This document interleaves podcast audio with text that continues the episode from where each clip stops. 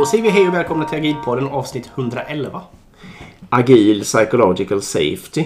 Ja, Ehm, vi får jobba på en översättning under avsnittet här tror jag. psykologisk säkerhet. Ja, Kanske. eller trygghet kanske. Det är väl de alternativen man har. Ja. Innan vi eh, gräver ner oss i det här bara ska vi eh, tacka de som gör den här podden möjlig. Vi börjar med CRISP. Ehm, Gå in på crisp.se. Finns massor med bra kurser och också bra konsulter om ni behöver hjälp med agil transformation. Ehm, några kurser som, som jag vet är bra, som jag själv har gått eller har kollegor som har gått, det är till exempel Scrum Masterkurs, produktägarkurs. Ja, Det finns väldigt mycket bra olika kurser att gå på. Det finns massor med safe-kurser och så vidare också. Så in där och anmäl er. Och om ni gör det så skriv att ni kommer från Agilpodden också. precis. Jättebra. Vi ska också puffa för Agila Örebro som har sin vårkonferens den 7 april. Eh, så det är alltså ett agilt nätverk som, där alla är välkomna. Alltså det kan vara chefer och produktägare och teammedlemmar och, eller vem som helst. Och oavsett vad man jobbar med och så vidare. Eh, de har sin vårkonferens i Örebro den 7 april mellan 8 och 17. Och till exempel vi kommer prata där. Ja. Eh, och en massa andra agila talare. Så gå in på agilaorebro.se eh, och anmäl er och sök mer information och sånt. Precis. Bra. Okej, ska vi hoppa in på ämnet? Vad, vad börjar vi idag? Vi börjar väl med eh, vad är psychological safety kanske? Ja, vill du börja definiera det lite? Det är ju, i grunden är det ju att eh, det är säkert att ta risker. Det är liksom så som man blir behandlad när man tar en risk. Det är väl lite det som avgör psychological safety. Och typexempel då är ju kanske om man vill ställa en fråga. Ehm, och om man riskerar då typiskt att uppfattas som negativ, disruptiv, okunnig eller inkompetent. Eh, om man då gör, för det enklaste sättet att slippa uppfattas som de där fyra sakerna. Det är ju helt enkelt inte ställa frågan. Och i en psychological safe environment, miljö, så har man då, ehm, så kommer man göra det ändå liksom. Trots att man riskerar att uppfattas som de där grejerna. Det är väl någon form av definition. Exakt, och det där tycker jag det där kan man fast, eh, stanna lite i för det, det där är väldigt intressant. Jag tror det där är en stor anledning varför man inte vill uppfattas som inkompetent eller något av de andra sakerna du nämnde. Eh, när man är ny på en jobb eller en ny arbetsplats, när man inte känner folk och så vidare, då är man ju, i alla fall jag, och jag tror det gäller många, väldigt rädd för att uppfattas som något av det. Så därför sitter du istället tyst, du kanske ifrågasätter inte status quo, du ställer inte dumma frågor utan du tänker att oh, det här borde jag kanske veta. Det här vet nog alla andra. Det här är bara jag som inte förstår.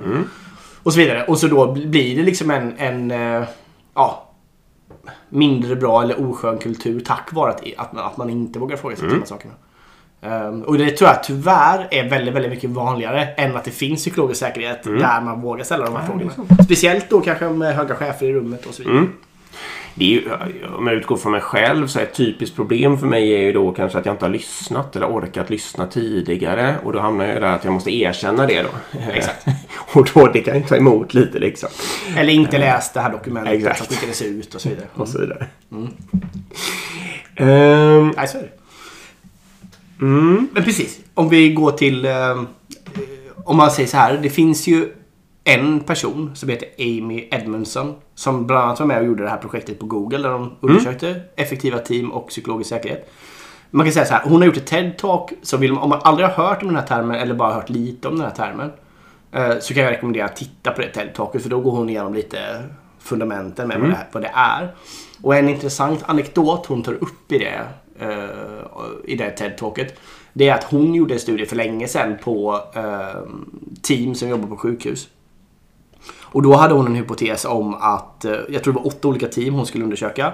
Då hade hon en hypotes om att eh, vilka gör minst misstag? Vilka är bäst alltså? ja. Vilka lyfter minst problem? De är alldeles bäst. Och, och så tittade hon runt på de här och det skiljer jättemycket då. Men det som var eh, slutsatsen som hon blev väldigt förvånad över det var just att de som hade mest fel eller mest problem. Det var de som också hade bäst eller nöjdast kunder så att säga. Eller bäst vård. ja. Så det var precis tvärtom liksom. Där kom problemen upp. Ja, enkelt. exakt. Och då, då börjar hon ju liksom, ja, hon berättar ju mer om det här så ni kan lyssna, det är bäst att lyssna från henne än från mig. Men, men där kommer ju hela grejen med att okej, har man psykologisk säkerhet så vill man lyfta problem och svårigheter och lösa dem. Man vill inte stoppa undan dem liksom Nej. under sten. Ehm, Och det det är då utifrån det perspektivet sen man vill, man vill säkerställa psykologisk säkerhet då. Precis. Och det kanske också är en vad är det? Ett annat sätt att säga vad det är är att det ska inte vara någon straffande kultur. Eh, typiskt då ifall att någon ställer en fråga, kommer på en ny idé eller gör ett misstag. Det är väl också en slags definition. Eh, precis. Hon gjorde den här Aristoteles-studien på Google. Och då frågade de sig vad skapar ett effektivt team på Google? Och det var så olika hypoteser tror jag innan att det skulle kunna vara att man hade de bästa, mest, alltså mest kunniga eller mest intelligenta teammedlemmarna och massa olika saker. Ja. Eh, och det var, då kom vi i och för sig fram till olika saker. Men just det spelade inte roll då på Google. Eh, och det som kom fram som spelade absolut störst roll för vad som är ett effektivt team på Google, det var ju psychological safety. Ja, exakt. Och då, då definierar de det som att teammedlemmar känner sig säkra på att ta risker och bli sårbara fram, framför varandra. Det är det som är, det är den viktigaste faktorn då. Här finns ju massor med material att läsa. Google är ju helt fantastiska på det sättet att de delar med sig. Så om man googlar på Psychological Safety och det som heter Rework. Just det. Det är deras eh, ja, hemsida helt enkelt för att dela kunskap. Så kan man gå in och läsa om den här studien, exakt vad de gjorde, hur många team som var med, vad de fick för resultat och allting. Vi touchar inte på, vi kommer toucha på vissa delar idag, men, men långt ifrån allt. Så jag kan verkligen rekommendera att gå in där och läsa. Uh, Agilpoddens hållning är väl också att psychological safety typiskt är, en, är helt avgörande om man vill ha en kultur som är innovativ. Eh, alltså, om man inte har psychological safety så är det extremt innovationshämmande för att folk går runt och vaktar på sin rygg istället för att försöka göra någonting nytt så att säga. Ja, verkligen. Man kan liksom inte skrämma folk till att bli innovativa. Eh, jag tycker också att det blir en, alltså vad ska man säga, det blir en intelligent organisation om man har psychological safety. Man får inte um, ja-sägare. Till exempel för mig själv högst personligen i den ledningsgruppen jag leder så är det viktigt för att jag kan ju sitta och hitta på vilka vansinniga idéer som helst. För att jag är lite sån, jag är lite kreativ. Och om jag bara hade haft ja-sägare runt omkring mig så hade jag kunnat driva alltihopa rakt över kanten på stupet. Liksom. Mm. Eh, men, och jag hoppas då verkligen, och jag märker ju också att människor eh, säger ifrån när de tycker att det driver så olika saker för långt. Mm. Eh, typexempel om vi har olika företagspolicies. Jag eh, nästan inte alls vill hålla på och tjata ut folk med dem och, när de ska implementeras och sånt där. Så till slut när jag kanske drar det lite väl långt då kommer min controller till mig och säger att nej men nu får du nog Mm. får nog göra någon grej av det här och ha lite administration kring det här och sånt som jag absolut inte jag gillar. Liksom. Eh, och det vågar ju han säga till mig då, att, eh, bara sådär, hålla i mig lite. Till exempel. Mm. Du sa också att man får en hälsosam organisation. Eh, det är väl ett annat sätt att Ja, precis. Alltså, egentligen så är det ju... eh, Jag tycker effektivitet eh, på leveranser är väldigt starkt korrelerat med hur folk mår. Både hur folk mår och hur team mår. Och psykologisk säkerhet är en väldigt, väldigt viktig faktor i den hur hälsosamma människor är och hur hälsosamma team är. Jag vet inte, det är väldigt många eh, kompisar och kollegor jag pratar med ehm, känner ju sig många gånger underutnyttjade på jobbet. Alltså de får inte vara med i beslut, de får liksom inte vara med i... Utan det blir mer att det kommer saker uppifrån och så sitter de och exekverar på det liksom. Och väldigt, väldigt många människor ruttnar i den miljön liksom. Förstås. Ja, förstås. Inte alls konstigt. Nej, det är tyvärr alldeles för vanligt. Um, Aristoteles då, det är någon gammal grek som jag faktiskt inte har örnkoll på. Alltså jag känner ju igen honom. Uh, jag vet inte vad han är mest Här känd skulle vi kunna googla, men det, det gör vi ha- inte. det hade vi faktiskt missat. Aristoteles. Eh, I alla fall, han har ju bland annat sagt i alla fall att the whole is greater than the sum of the parts. Alltså ehm, helheten är större än summan av delarna. Då. Och det är väl därför som just Google valde att kalla just den där studien för, som rörde just team för eh, Project Aristoteles. Exakt, det är så projektet hette alltså, som de genomförde. Bara så vi ärar den som äras bör här eller vad man ska säga. Ja, verkligen. Ehm, Vi kanske ska säga också, för Google kom ju fram till lite baklänges saker också. Nämligen saker som inte påverkar teameffektiviteten. Ja, sjukt intressant. Ja. Ska jag läsa dem eller? Ja, precis. Du kommentera efter varje eller vill du kommentera? Ja, vi tar varje. Vi kommer till efter varje. Eh, Bara för att förtydliga här nu då. Alltså, det här är alltså faktorer som inte påverkar teameffektivitet. Som Exakt. de kanske trodde att det skulle göra. De kunde inte se någon korrelation på Google. Exakt. Ja. Så- det man måste, eller bör komma ihåg då är ju lite att eh, Google kanske är ett lite speciellt företag som kanske har dragit till sig lite mm, fiffiga individer och kanske har gjort en del saker rätt och sådär. Så bara för att inte det här påverkar på Google så kan det hända att det fortfarande finns någonting att göra på andra organisationer. Exakt. Eh, exakt. Ändå väldigt intressant. Eh, exakt. Ehm, den första är då samlokalisering. Ja. Kommentarer på det? ja, att sitta ihop är alltså inte så effektivt som man tror nödvändigtvis när man jobbar i team. Nej. Nej.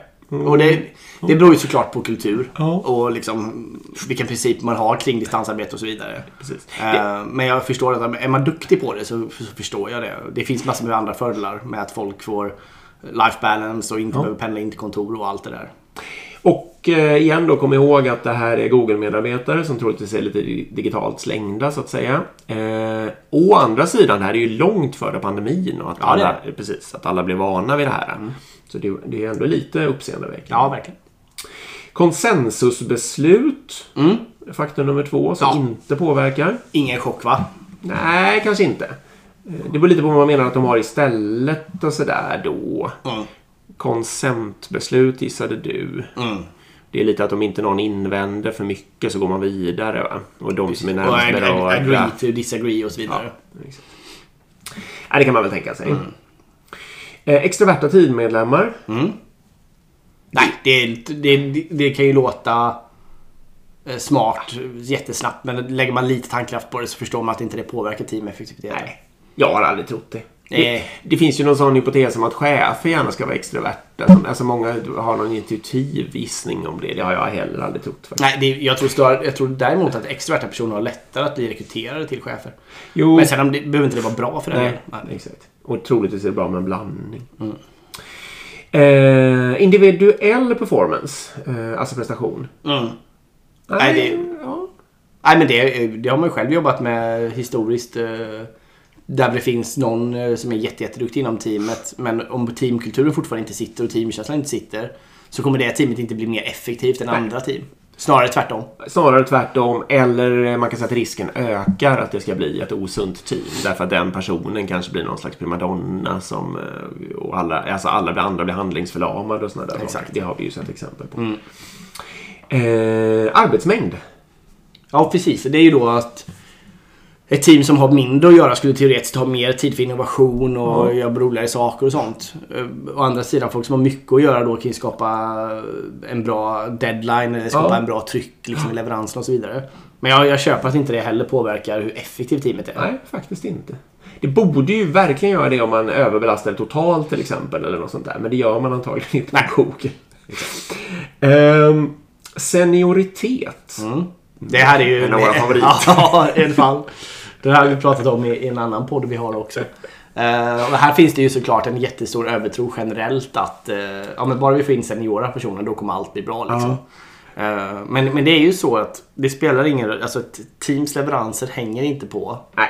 Och där blir det samma sak igen att summan av helheten är större än individuella. Så även om du har ett team med bara massor med seniora personer och du inte får en teamdynamik som funkar. Så kommer de inte outperforma ett team som är juniora som har en. Nej. Sen då kan man ju hävda, men varför inte bara anställa seniora och jobba med psykologisk statistik? Nej, men det kan ju bero... Alltså, vad ska man säga? Så, I alla fall så i min verklighet så det som jag tycker funkar bäst det är att ha en, eh, en blandning och ha någon form av, eh, kalla det vad du vill, men steg eller trappa upp liksom från helt nyexad upp till supersenior. Och sen så, vill, och så försöka få det lite som att den där superseniora sen vill göra något annat och så kliver alla upp ett steg och så tar man in en ny... eh, Det är ofta du får bra effekt. Exakt. För då får man ju en ganska skön... Det är lätt att bygga psychological safety då och man får en bra blandning och många infallsvinklar och den där juniora kommer ju med, med bra grejer liksom, nya tankar och sånt där. Eh, Men det går säkert att ha ett psychologically safe team som eh, Ja. bara seniora medarbetare också. Men det är inte en faktor för att skapa effektiva team. Eh, teamstorlek. Mm. Och här, eh, det här, det här nämner de specifikt i studierna.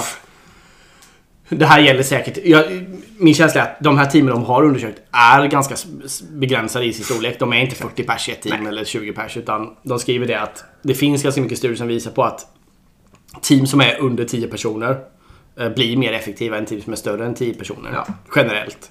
Eh, Men jag tror bara att det inte är en faktor i, på Google just för att de har inte så många stora team. Vi skojade om det förut här och sa att eh, det spelar inte så stor roll om man är fyra, fem, sex eller sju personer i teamet. Nej. Nej, för de gör inte det misstaget som du sa, har 25 personers team och sånt där. Exakt. Eller 40 för den delen. Den sista är nog fastkänd, alltså om man är anställd eller inte. Eller ehm, hur varaktig. Provanställd eller konsult Exakt. eller så Nej, vidare. det påverkar faktiskt inte där heller. Nej. Det hade man ju kunnat tänka sig annars. Sen, de här faktorerna kanske påverkar eh, mer, alltså superlite, men det är inga avgörande faktorer för hur man skapar eh, bra team eller effektiva team. Bra lista att följa och tänka på när man själv sitter och rekryterar och funderar på hur man vill bygga team. Är det de här faktorerna man styr på?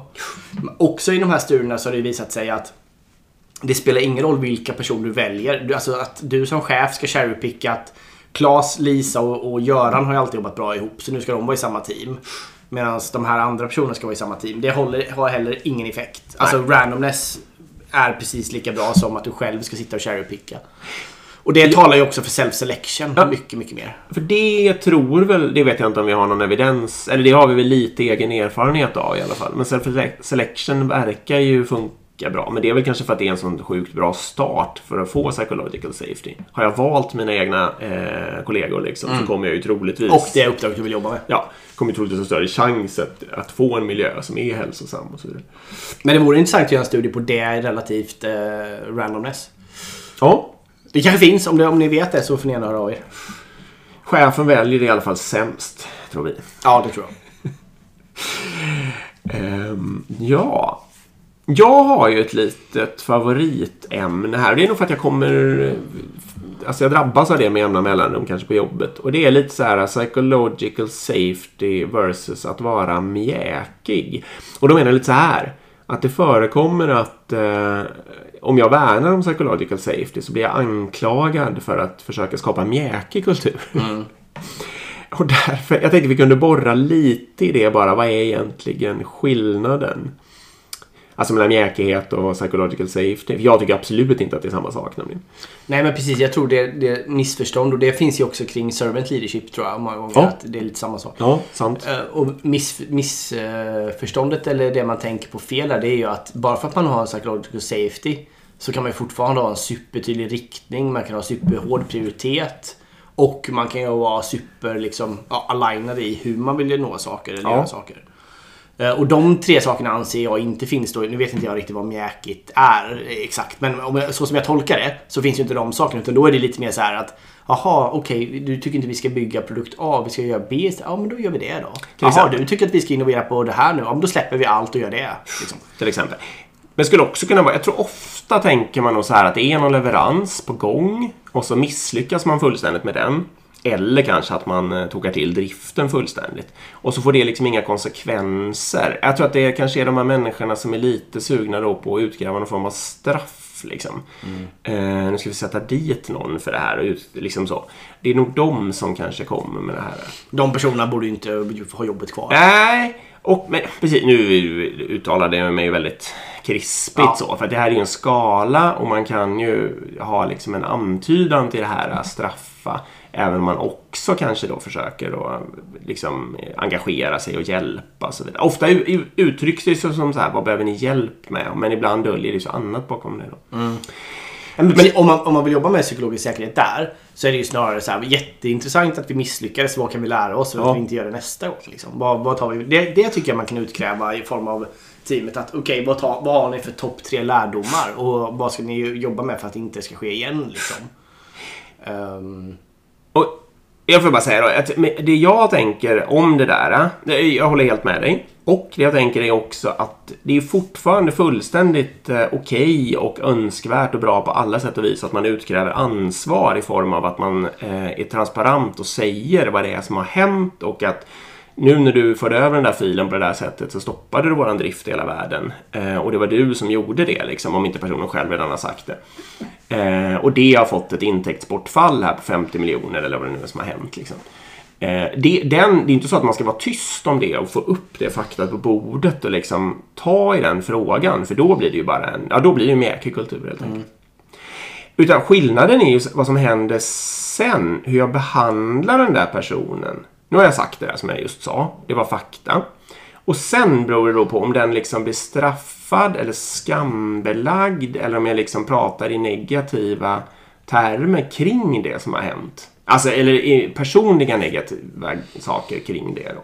Eh, då får jag ju absolut inte psychological safety. Nej. Men om jag påpekar det som har hänt och sen så mera precis som du sa. Vad har vi lärt oss av det här? Hur ska vi undvika att det någonsin händer igen? Eh, vilken katastrof det blev. Nu måste vi ta tag i det här så att vi liksom får en bättre driftsmiljö framåt och sådär. Då kan man ju ha psychological safety och en väldigt stark ansvarskultur när människor kliver fram och vill gör, liksom, ta tag i det som de ska göra och så vidare. Precis, och jag menar har du rekryterat eh, rätt människor så kommer de ju känna ett ansvar för att ha misslyckats också. Exakt. Så eh, i det här fallet så att, att gå på och försöka straffa dem ex, externt många gånger så har ju de här människorna redan dåligt samvete om de nu har åstadkommit någon sån här st större liksom, problem. Och tar ju såklart lärdomar av det utan att, att det behöver påpekas. Precis. Och ett, en sak att tänka på här är att inte hålla misstag emot någon. Så ponera att man hade den där driftsättningen, det gick åt skogen och då ska man inte sen nästa vecka säga att ah, men då ska nog inte du göra den här Nej, driftsättningen igen för det gick så dåligt förra gången. Utan då ska man ju istället, hur gör du? Ja, nu måste du ju verkligen göra det här igen. Eh, så att du känner, så du får upp ditt självförtroende och känner att det, att det går. Och hur ska vi göra runt omkring liksom? Vill, vill du ha någon med dig? Vad, hur, liksom, hur ska vi göra med den där filen? Ska vi sluta ha de här dubbla namnen? Eller ja, vad det nu är som har hänt. Ja, men precis. Mm, nej, men det är ju väl, väldigt, väldigt, väldigt, väldigt viktigt att tänka på. Absolut inte bli mjäkig, men heller absolut inte då hålla på att hålla till exempel misstag mot enskilda individer eller hela team för den delen. Nej. Eh, Du hade ett annat exempel här förut om man ska leverera något inom en vecka. Vi, vi ska leverera något inom en vecka och så sitter jag och bara har massa kreativa idéer om eh, alltså såna här fluffiga kreativa idéer om hur man skulle kunna göra saker mycket bättre i en framtid. Då är ju en mjäkig approach då skulle kunna vara att bara alltså, om det, liksom. jag pratar om det eller och hålla på och låta mig liksom tills halva veckan har gått och sådär. Eh, och det behöver man ju absolut inte göra bara för att man har psychological safety. Utan det skulle ju kunna vara då att säga till mig liksom att eh, eh, intressanta idéer, jag respekterar verkligen att du har dem. Det passar inte alls nu.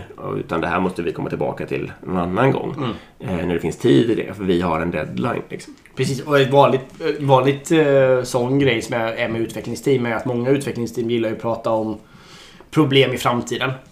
Mm. Ja just det, vi har ju de här grejerna också och det här och det här kan ju hända och det där och det där. Och det är jätteviktigt att prata om också. Absolut, men man kanske inte ska prata om det en vecka då man ska göra en stor leverans. Utan då vill man ha fokus och avknoppning och prioritet på vad vi jobbar med. Men sen kan man ju fortfarande boka då att Okej, men nästa måndag när vi gjort den här leveransen, då gör vi en halvdags workshop. Och då tar vi upp alla de här frågorna och problemen och så gör vi en roadmap för hur vi ska lösa det. Så precis, det har ju ingenting med det att göra. Jag tycker fortfarande att återigen prioritet och tydlighet och riktning är jätte, jätteviktigt för att få ett effektivt team. Och det behöver inte alls påverka psykologisk säkerhet negativt.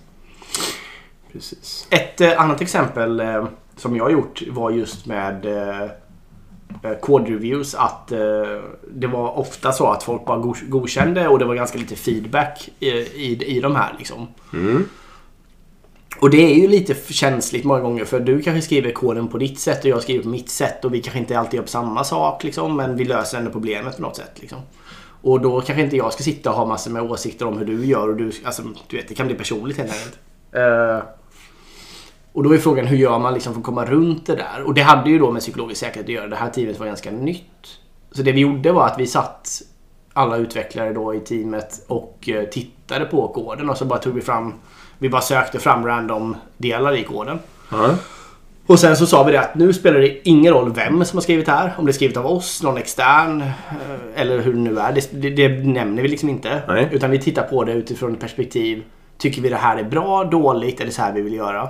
Både med hur vi kommenterar kod, hur vi namnger variabler, hur vi skriver funktioner och så vidare. Och sen utifrån det så tar vi en diskussion och försöker hitta gemensamma principer. på vad vi tycker är bra kod som Ja, team. Som liksom. team. Mm. Precis, och den här övningen är delvis snodd av eh, Marcin som vi hade med för evigheter sedan. Eh, I agilpodden. Jo, i alla fall. Då, så då kunde vi liksom till slut komma fram till att okej, men de här sju eller sex principerna tycker, är vi alla överens om. Så här borde vi inte göra. Eh, och så här borde vi göra. Ja, när det gäller alla de här sakerna. Och så då kunde vi lägga in dem i där vi gör pull requests i det versionshanteringsprogrammet vi använder helt enkelt.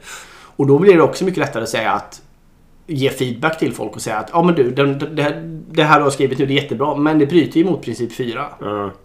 Du har ju faktiskt inte namngett den här variabeln rätt eller du har inte skrivit kommenterat koden på det här sättet som vi har kommit överens om. Och på så sätt blir det mycket, mycket lättare att liksom kritisera någons kod. Ja. För du kritiserar då är det, vill du att vi ska ändra principen eller ska vi ha kvar den? Och således får vi ändra din kod liksom. Så det blev en metod då för att kunna våga börja kritisera varandras kod utan att man går på personligt. Ja, Ja, verkligen. För det blir som att man skapar... eh, Man får uppgiften att vara en oberoende domstol mer som ska jämföra koden med principerna. Liksom. Istället Exakt. för att man ska bli eh, så här lagstiftare och säga jag tycker du är dum för att du kallar dina variabler på det här viset. Liksom. Nej, men det är ju skitsmart verkligen. Ehm, Jag vet inte om det har med psychological safety att göra. Men jag Jo, har men ju det- en, nej, men jag Ja. skulle säga en annan sak. då är det- okej. En, en, en värld, jag har sagt det förut tror jag, men världens smartaste, en av mina bästa utvecklare som checkade in något bogus bara i eh, Eh, jag kommer inte ihåg om det, var, om det bara stod det här är inte kod eller det var helt konstigt alltihopa. Och sen så var det någon annan som hade godkänt det en stund senare. och då gick han och frågade så här, vad tyckte du? Ja. Jag hade uppenbarligen inte öppnat eller tittat Nej, på. Liksom. och det, det där kan du göra... Eh, det där, så ser det ut med 90% av alla företag. Ja, det kanske gör det. Ja. Och det är ett kanske... Jag vet, jo, men det har med psychological safety att göra. För att om man misstänker att om man har infört kodgranskning och det bara fuskas. Ja, det kan bero på olika saker i och för sig. Men ett sätt är ju att testa systemet precis som han gjorde då. Och det är ju Ja. väldigt, väldigt bra att göra det. Ja. Eh, för då kan man ju sen... Men en slutsats är att vi tar bort kodgranskningen då liksom. Eh, behövs, eller behöver vi inte kodgranskning? Men om man då ändå kommer fram till att jo, men det vill vi ha. Då kanske man ska ändra hela sin inställning och prata ganska mycket om det och sånt där. Ja, precis. Och kanske ha en tydlig checklista för vad som gäller. Och... Men precis, det är ju en, det, det är lite separat sak. En annan sån där eh, eh, mer konkret övning som vi har gjort är också att med ett nybildat team så utgick vi från de här sju frågorna som vi kommer ta upp. Ehm, som Google föreslår. eh, där man helt enkelt får uh, ratea sig själv på hur mycket psykologisk säkerhet som finns i teamet. Det, alla teammedlemmar gjorde den. eh, och ehm, jag samlade in resultatet anonymt och aggregerade ihop det då. Och så fick vi helt enkelt ett medelvärde på varje fråga mellan 1 och 10 hur psykologiskt säkert vi, är på alla de här frågorna. Vi gjorde det i början på ett kvartal. Och sen så hade vi retro utifrån det. Där vi pratade om okej vad har vi för konkreta actions vi skulle kunna göra för att öka det här. Varav den här kodövningen var en sån action. Då. Vi gjorde andra saker också. Um, alltså det kan vara allting från att vi eh, faktiskt gjorde en sån här uh, fail wall. Alltså vi satte upp post-it-lappar på en vägg med alla misstag vi gjorde. Ehm, och i början var det kanske lite mer såna här lättare saker. Jag kommer ihåg att jag skrev en lapp att jag glömde boka ett konferensrum eh, till ett möte. Så när vi skulle gå dit så var det fullt och då fick vi liksom gå runt i tre våningar innan vi hittade ett. Och så tog det en kvart liksom.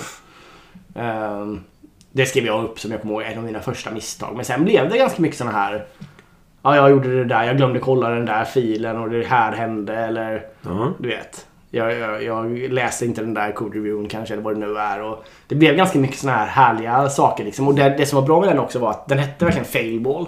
Och det som var skittydlig, stora post-it-lappar och alla gick förbi verkligen hela tiden. så alla kunde verkligen gå och läsa om alla våra misstag. Så det blev också lite transparent och härligt på något sätt. Vi höll inte i det jättelänge. Jag skulle säga att vi gjorde det kanske 3-4 månader. Ja, det är sen, ganska lagom. ja, sen dog den ut av sig Ja. självt och då tänkte jag bra, då får den Det är bara... okej. Men, men förhoppningsvis nu tror vi att det blev så, men det är också lätt att hylla, hylla sig själv. Men jag tror att det faktiskt skapar en kultur att våga prata om misstag. Ja, men det är väl klart att det gjorde. Ja. Herregud. Det är jag helt övertygad om. Tillbaka till... Eh, eh, precis, så då... Det första vi gjorde var liksom att säkerställa och sätta en... en eh, vad, vad ligger vi på för nivå? Och det finns ju alltid fara med att mäta det här. För är folk psykologiskt trygga att säga hur det faktiskt är? Nej, alla kan ratea 10 liksom bara för att... eh, Det är därför jag gjorde det anonymt och Mm. bara för att vi inte skulle liksom få det på, på, eh, på den nivån. Ehm, Men det var, då kunde vi få ett mätvärde och då kunde vi också lite se när vi hade gjort de här actionerna om vi faktiskt kunde öka. För sen gjorde vi så att i slutet av kvartalet så mätte vi igen. Ja. Samma server igen. Minns du vad det blev för Ja, siffror? ja. Vi var... Ja, precis. Jag kan inte ta fram exakta siffror också men eh, vi lyckades öka två stycken eh, ganska markant. Ja. Eh, Två stycken av de här eh, frågorna eller arierna. Precis, så... Eh, ska vi gå igenom de här frågorna? Ja, precis. För det vi håller på med nu är ju eh, övningar. Eh, och då så är det eh, som man kan göra. Och då så sa du att en bra är att mäta upp vid två gånger. Och då finns det en sju stycken frågor som man kan ställa. Och de har du framför och kan läsa upp nu. Ja, exakt. Och de här finns ju på... Så ni behöver inte skriva ner dem nu. utan de här finns på den här Rework-sidan. då. Eh, men då är det... Om jag gör ett misstag på det här teamet så kommer det hållas emot mig. Och då är ju ett liksom att... eh, ja, det kommer, så är det oftast. Eller då 10 är oftast inte då till exempel. Va? Så man ratear 1 till 10 och där 10 är bäst och 1 är sämst liksom. Mm. Eh, medlemmarna i det här teamet tar upp problem och svåra saker. Eller tuffa saker. Ja. Tredje frågan är då, eh, folk i det här teamet brukar avfärda varandra för att vara annorlunda. Fyra är, det är säkert att ta risker i det här teamet. Jag känner mig säker att ta risker i det här teamet. Mm. Mm. Det är svårt att fråga andra om hjälp i det här teamet. Det är femman. Mm. Eh, och i sex är att ingen i det här teamet skulle medvetet eh, underminera min eh, förmåga eller min prestanda eller det jag gör. Liksom.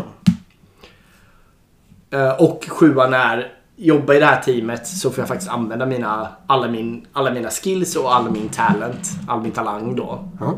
Eh, Den är liksom uppskattad och använd i det här teamet. Precis, så du gör 1 till 10 av de här då så får man ju en ganska bra bild och då lite beroende på var man hamnar.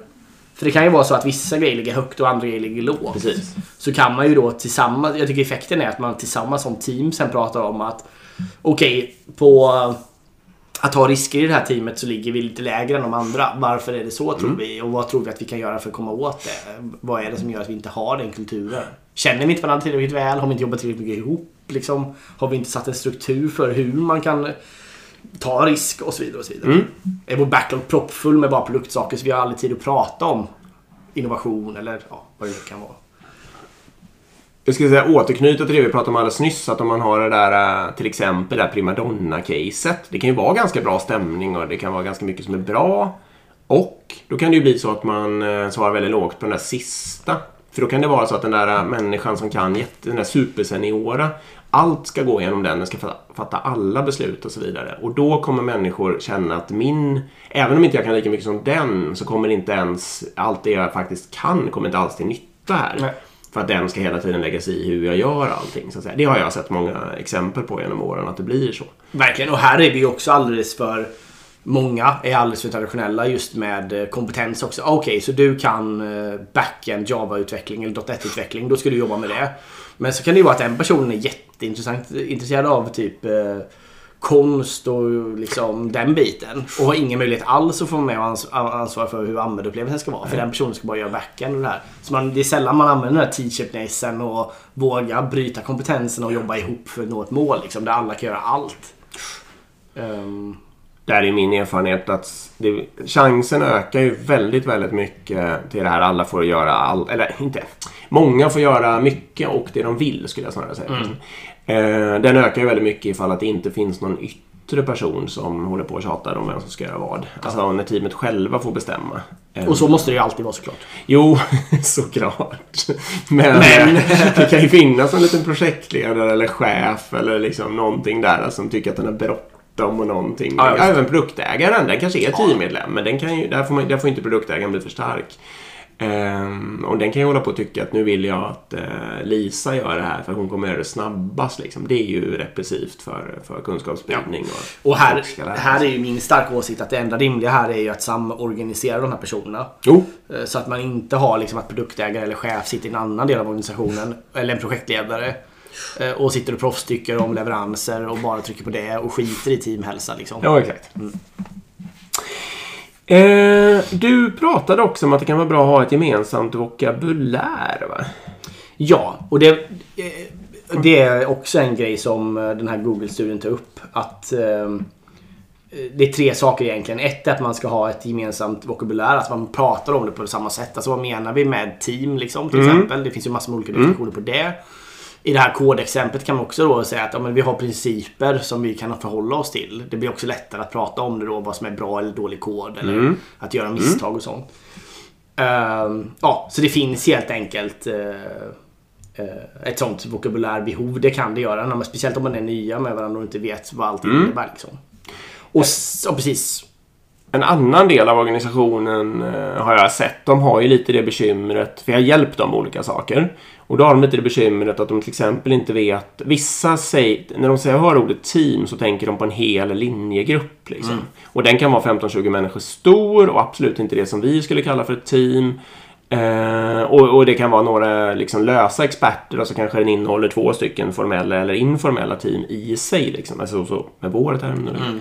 Och där tjänar man ju väldigt mycket då förstås. Om man nu vill ta en till exempel resa mot psychological safety så måste de ju veta så inte alla de här 20 sitter och försöker Nej, precis. Nej. De, de först hittar sitt eget team och att det är där de börjar. Om det är det här vi menar med team. Och sen får de ju vara en linjegrupp också givetvis. Mm. Eh, Men det är en annan sak. Ja, det är en annan sak. Och sen är det också då att ha ett forum för att kunna snacka om teamdynamik. Mm, och kunna prata om. Och här kan man ju då ta hjälp om man inte själv känner att teamet vill eller att det är känsligt eller att, att man inte har kompetensen för det och så vidare. Så kan man ta hjälp av till exempel HR i bästa fall eller någon annan facilitator som kan pra- komma och prata med teamet om teamdynamik Mm. och psykologisk säkerhet, vad det innebär. Eh, och bara egentligen dela massor med både verktyg och eh, alltså resultat och forskningsstudier som finns på det här. Det finns ju så otroligt väl forskat på hur man bygger effektiva team. Så bara få den datan och verktyg kan ju vara väldigt bra att få externt och sen så kan man internt prata om hur ska vi nu använda de här verktygen för att realisera det här då. Helt sant.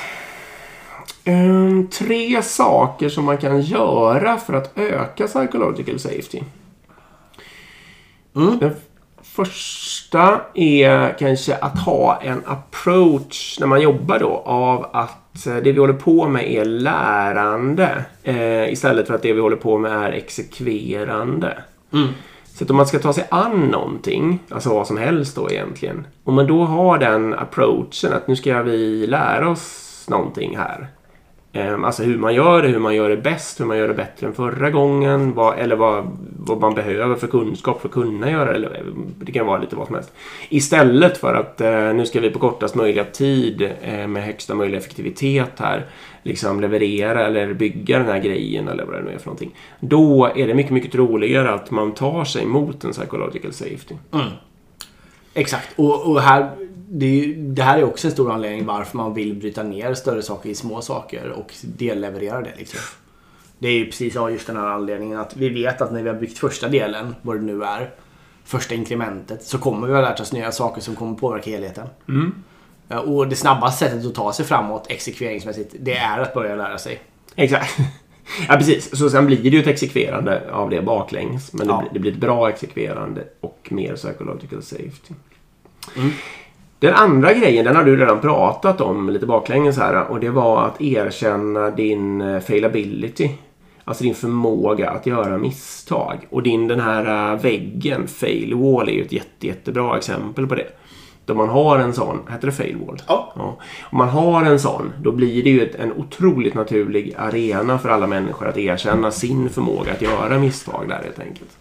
Absolut. Eh. Dock så kräver det ju en viss psykologisk säkerhet för att kunna sätta upp en sån. Så. Jo, förstås. Så jag skulle, inte, jag skulle inte göra det som en första Nej. åtgärd eh, att sätta upp en sån utan eh, det kräver liksom lite grundjobb ändå. Helt sant. Eh, men precis, men du som ledare eller någon eller så många som möjligt börjar erkänna sin förmåga att göra misstag, sin failability. Det är i alla fall en sak som ökar psychological safety. Det kan man ju verkligen tänka sig också. Ja. Eh, Den tredje är eh, väl att leva nyfiket. Eh, Och fråga mycket frågor. Och fråga mycket frågor. Exakt. Och här skulle jag vilja knyta an till han ubåtskaptenen då, Marquette. Din favorit? är min favorit. Ja, ja, men, jag, jag älskar honom för att också, för det, han har ju den här, det är ju en metod då att ställa nyfikna frågor. Och det här, han kopplar det till den här ficklampan det som man gick runt och lyste på olika saker med. Men jag har insett det att när jag inte, när jag inte kommer på något bättre, när jag hamnar i en svår situation och inte kommer på något smartare, säga, då funkar nästan alltid det. Ja. Alltså, kanske inte som enda recept, men det tar mig nästan, jag kommer nästan alltid igång med att, att få organisationen att lära sig något eller lösa det svåra problemet eller vad det nu är för någonting. Liksom, genom de där nyfikna frågorna. Eh, och de är, det är väldigt bra sätt att undvika att uppfattas som hotfull eller liksom straffande, dömande. Men att ändå få fokus på en fråga och få någonting att hända och sådär. Nej, verkligen. Jag håller med. Och också vilket, vilket team skulle inte gilla, eller individ eh, för den delen, gilla att få frågor? Nej. Bara okej, vad är ert syfte? Vad har ni för största utmaningar? Vad är ert största problem? Vad är er största möjlighet? Om du fick rensa bort hela backloggen och bygga den om den från början, vad skulle du bygga då? Alltså bara de där frågorna väcker ju massor med intressanta frågeställningar och, och problem. Ja, de gör det. Precis, och vi ska säga då att eh, vi ska ge lite cred här också nu till rätt personer då. Att de här tre grejerna som du nämnde nu nämner ju hon Edmondson då i sitt TED-talk som vi nämnde i början där. Eh, och det är ju precis som du sa då tre mer lättare saker som en individ kan göra. För det kan ju vara... Ofta är det så att det är ganska om du är chef till exempel. Det är ganska svårt att få den ledningsgruppen du ingår i att börja jobba med det här. Om du är som ensam medlem liksom. Det är lättare att få ditt, din ledningsgrupp att börja jobba med det här om du bestämmer med den så att säga. Och samma sak kanske då teammedlem då eller vad det nu är för, vad du nu har för roll. Men de här grejerna kan du då försöka börja influera på individnivå. Liksom. Sen är det ju så att i bästa, i bästa, bästa världar här så måste du försöka få med dig högre ledarskap också på att det här är viktigt. Till exempel då organisationsmässigt vad man kan göra det är ju att utbilda alla personer i det här psykologisk säkerhet. Vad det innebär och vad det har för effekt och varför man tycker det är viktigt. Man kan ju också involvera det i sin egen kultur och säga att det här är någonting vi tror på och tycker är viktigt. Och så. Där finns det kanske. Man får passa sig då bara för det. Så det inte är något som hänger på väggen som en power. Ja, precis. Ja, verkligen. Ehm, För det är ju... För, för, Men det är bättre fortfarande att vi inte nämner det alls. Ja, kanske. Men det är det här, jag är ju allergisk mot det. Om man går runt och frå- frågar någon random liksom, eh, människa i en superhierarkisk strafforganisation om de tycker att det är viktigt med psychological safety, då kommer de ju svara ja, liksom, Ja. och säga det har vi. Det är, här är det högt i tak. Och så. Ja, visst. Det säger inte så mycket. Då måste man gå in på de där sju frågorna och det måste vara anonymt. Och, ja, precis. Man måste liksom försöka mäta och komma åt det lite på något sätt. Ja. Jag eh, ska säga, apropå det här med nyfikna frågor, det är en metod som jag använder då när, för att lösa problem på ett psychologically safe sätt liksom, i min organisation. Eh, jag försöker tänka efter om jag har några andra sådana typiska saker som jag tror främjar psychological safety. Och typexempel kanske är att jag har Q&A med alla. Eh, Man får fråga vad som helst och det märks ju då lite att jag uppmuntrar vad som helst för frågor och att jag aldrig duckar. Det är klart att jag kanske inte alltid kan svara på allting men det- märks att inte någon fråga liksom är för eh, enkel eller för svår eller för kontroversiell eller något sånt där utan alla frågor får komma upp. Eh, Jag brukar försöka bjuda på liksom läskigt mycket information, alltså vara lite övertransparent. Och det är ju ett sätt att visa förtroende för alla människor. Visa att jag liksom lämnar ut mig. För att om de, eh, om de läcker den vidare sen då så... Eh, alltså det, då blir det problem för mig. Så att, mm. Eh, och sen det här, det har vi pratat om förut säkert. Men jag håller på att träffa alla mina medarbetare nu. Mm. Det är ju ett sätt att komma... Och då alltså- vi säga att du har st- st- det låter ju galet om du har en liten organisation. Ja, just det. Men det är då 200, lite mer än 200 människor. Så det kommer ta ett tag. Eh, Nej, men- jag har, precis, jag har fem och jag har precis börjat träffa dem. Nej, just det. Annars hade det låtit lite psykopat. Ja, lite. Eh, nej, men det är ju ett sätt att visa, att helt liksom förutsättningslöst bara visa att nej, men ni, kan, ni, ni kan alltid ringa mig, texta mig, eh, ta upp vad som helst eh, och sådär. Och jag är bara nyfiken och jag vill gärna hjälpa till och liksom skapa den sortens band som kanske sen gör att de vågar ta risker i organisationen. De känner sig trygga. Liksom. Vi hade ett case och, alltså, vad är inte psykologisk säkerhet? Och så hade du ett exempel här. Ja, precis. Ska vi vandra dit? Ja, jag kan ta det. Man har ett exempel. Man har en ledningsgrupp. Eh, och chefen tycker att den är lite transparent och bra och duktig och sådär. Mm, såklart. Och, såklart. Och frågar ofta människor vad de tycker och hur man ska göra saker. Men sen så märker chefen också att det väldigt ofta blir så som den eh, Mm.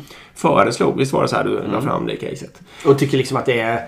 Det, det, folk gör det de ska men det är inte mer än så. Det brinner Nej. liksom inte i diskussionerna. Det är inte livligt. Och, utan det är lite halvtyst. Och föreslår chefen någonting så blir det lite så och sådär. Ja, det tror jag är en väldigt vanlig situation att många sitter i sån typ Ja. av ledningsgrupp eller i team eller vad det nu kan vara. Och din fråga var ju mer eller mindre så här då. Eh, vad gör man? Vad skulle du ge, vad skulle du ge den här chefen för råd? Alltså, det finns ju några uppenbara då. Eh, alltså så här, sluta prata och sånt där. Och om chefen plötsligt bara skulle bli tyst så skulle det troligtvis bli eh, precis lika dålig psychological safety fast åt andra hållet. Då skulle alla sitta och fundera över Varför han till Exakt. exempel?